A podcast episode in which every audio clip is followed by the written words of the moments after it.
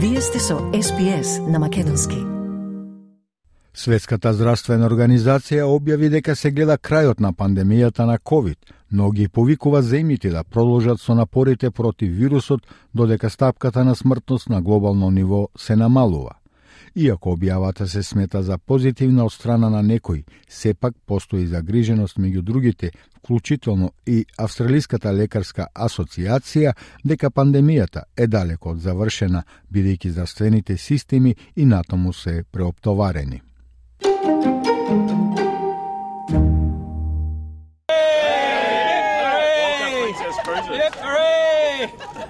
Ова е дел од прославата на првиот брод за крстарење што се закотви во Мелбурн поречеси три години. Министерот за туризам на Викторија, Стив Димопулос, возбуден од изгледите за повеќе посетители во државата и повеќе туристички долари, изрази голем оптимизам, велејќи дека нема ништо подобро од пристигнување на толку голем број туристи истовремено, како што се овие групни тури на бродовите за крстарење кои носат по 2000 луѓе на улиците во Мелбурн. The first cruise ship back since the pandemic began. That is such a shift in terms of the optimism and the uh, the embrace that we have in terms of welcoming international tourists here.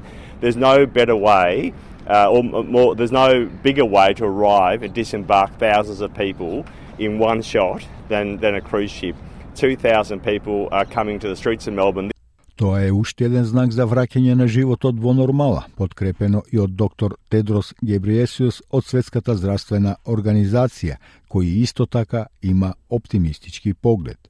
Тој вели дека минатата недела бројот на пријавените смртни случаи од COVID-19 бил најмал уште од март 2020 година и дека се гледа крајот на пандемијата. Last week, the number of weekly reported deaths from COVID-19 was the lowest since March 2020. We have never been in a better position to end the pandemic. We're not there yet, but the end is in sight. Од прогласувањето на пандемијата има повеќе од 6,4 милиони смртни случаи на глобално ниво. Бројките на неделните смртни случаи сега се во опајање и се најниски од почетокот на пандемијата. Кетрин Бенет, епидемиолог, вели дека иако објавата од Светската здравствена организација е генерално позитивна, COVID е се уште присутна болест и најавата треба да се гледа како транзиција од пандемија во ендемија. Според неа, сега има комбинација на хибриден имунитет, така што комбинацијата на инфекција и вакцинација кај поголемиот дел од населението сега дава надеж да се одржи ниско ниво на пренесување додека се разгледува омикрон. We've got a combination now of hybrid immunity, so the combination of both infection and um, vaccination in, in the majority of the population now. And that hopefully will put us in a better position to help keep transmission levels low while we're still looking at Omicron. And even with other variants, it's probably helping globally new variants not appear. Австралија го доживеа својот најголем број на смртни случаи од COVID оваа година, а од почетокот на пандемијата починаа скоро 14.500 луѓе. Од Австралиското медицинско здружение велат дека на терен не се чини дека крајот е на повидок, бидејќи подпредседателката доктор Даниел Мекмулен вели дека здравствениот систем продолжува да се бори со преоптовареност. Таа додава дека е наивно да се мисли дека тука е крајот на пандемијата, бидејќи се уште има високи стапки на инфекција со ковид во заедниците, така што треба да се започне со подготвителна работа и за понатамошни бранови на ковид и влијанието што најверојатно ќе го има за долго време.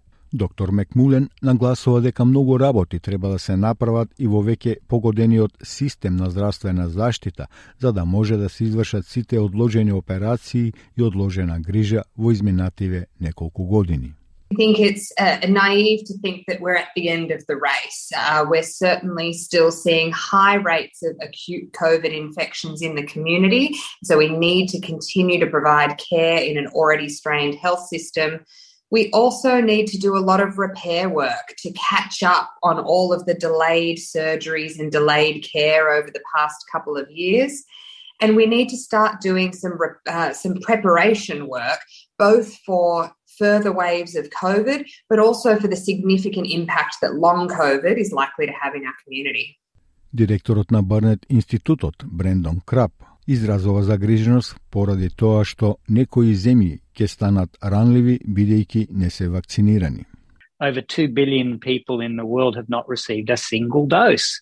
Um, I've received four. You know, this is this is a totally unacceptable position from an ethical and moral point of view, uh, but it's it's a very much an own goal um, from countries and the world trying to end the pandemic. We can't end the pandemic for anyone until we end it for everyone. We've been saying that from the beginning, and it's still true today. Доктор Гебресиус упати повик до земјите дека сега е време да ги зајакнат политиките за ковид и идните вируси. Тој ја спореди ситуацијата со маратонец кој, како што рече, не престанува да трча кога ќе ја здогледа завршната линија, туку трча се додека не ја премине. A marathon runner does not stop when the finish line comes into view. She runs harder with all the energy she has left. So must we. We can see the finish line. We are in a winning position, but now is the worst time to stop running. Now is the time to run harder and make sure we cross the line and reap the rewards of all our hard work.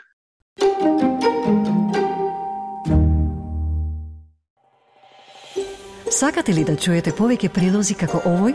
Слушате подкаст преку Apple Podcasts, Google Podcasts, Spotify или од каде и да ги добивате вашите подкасти.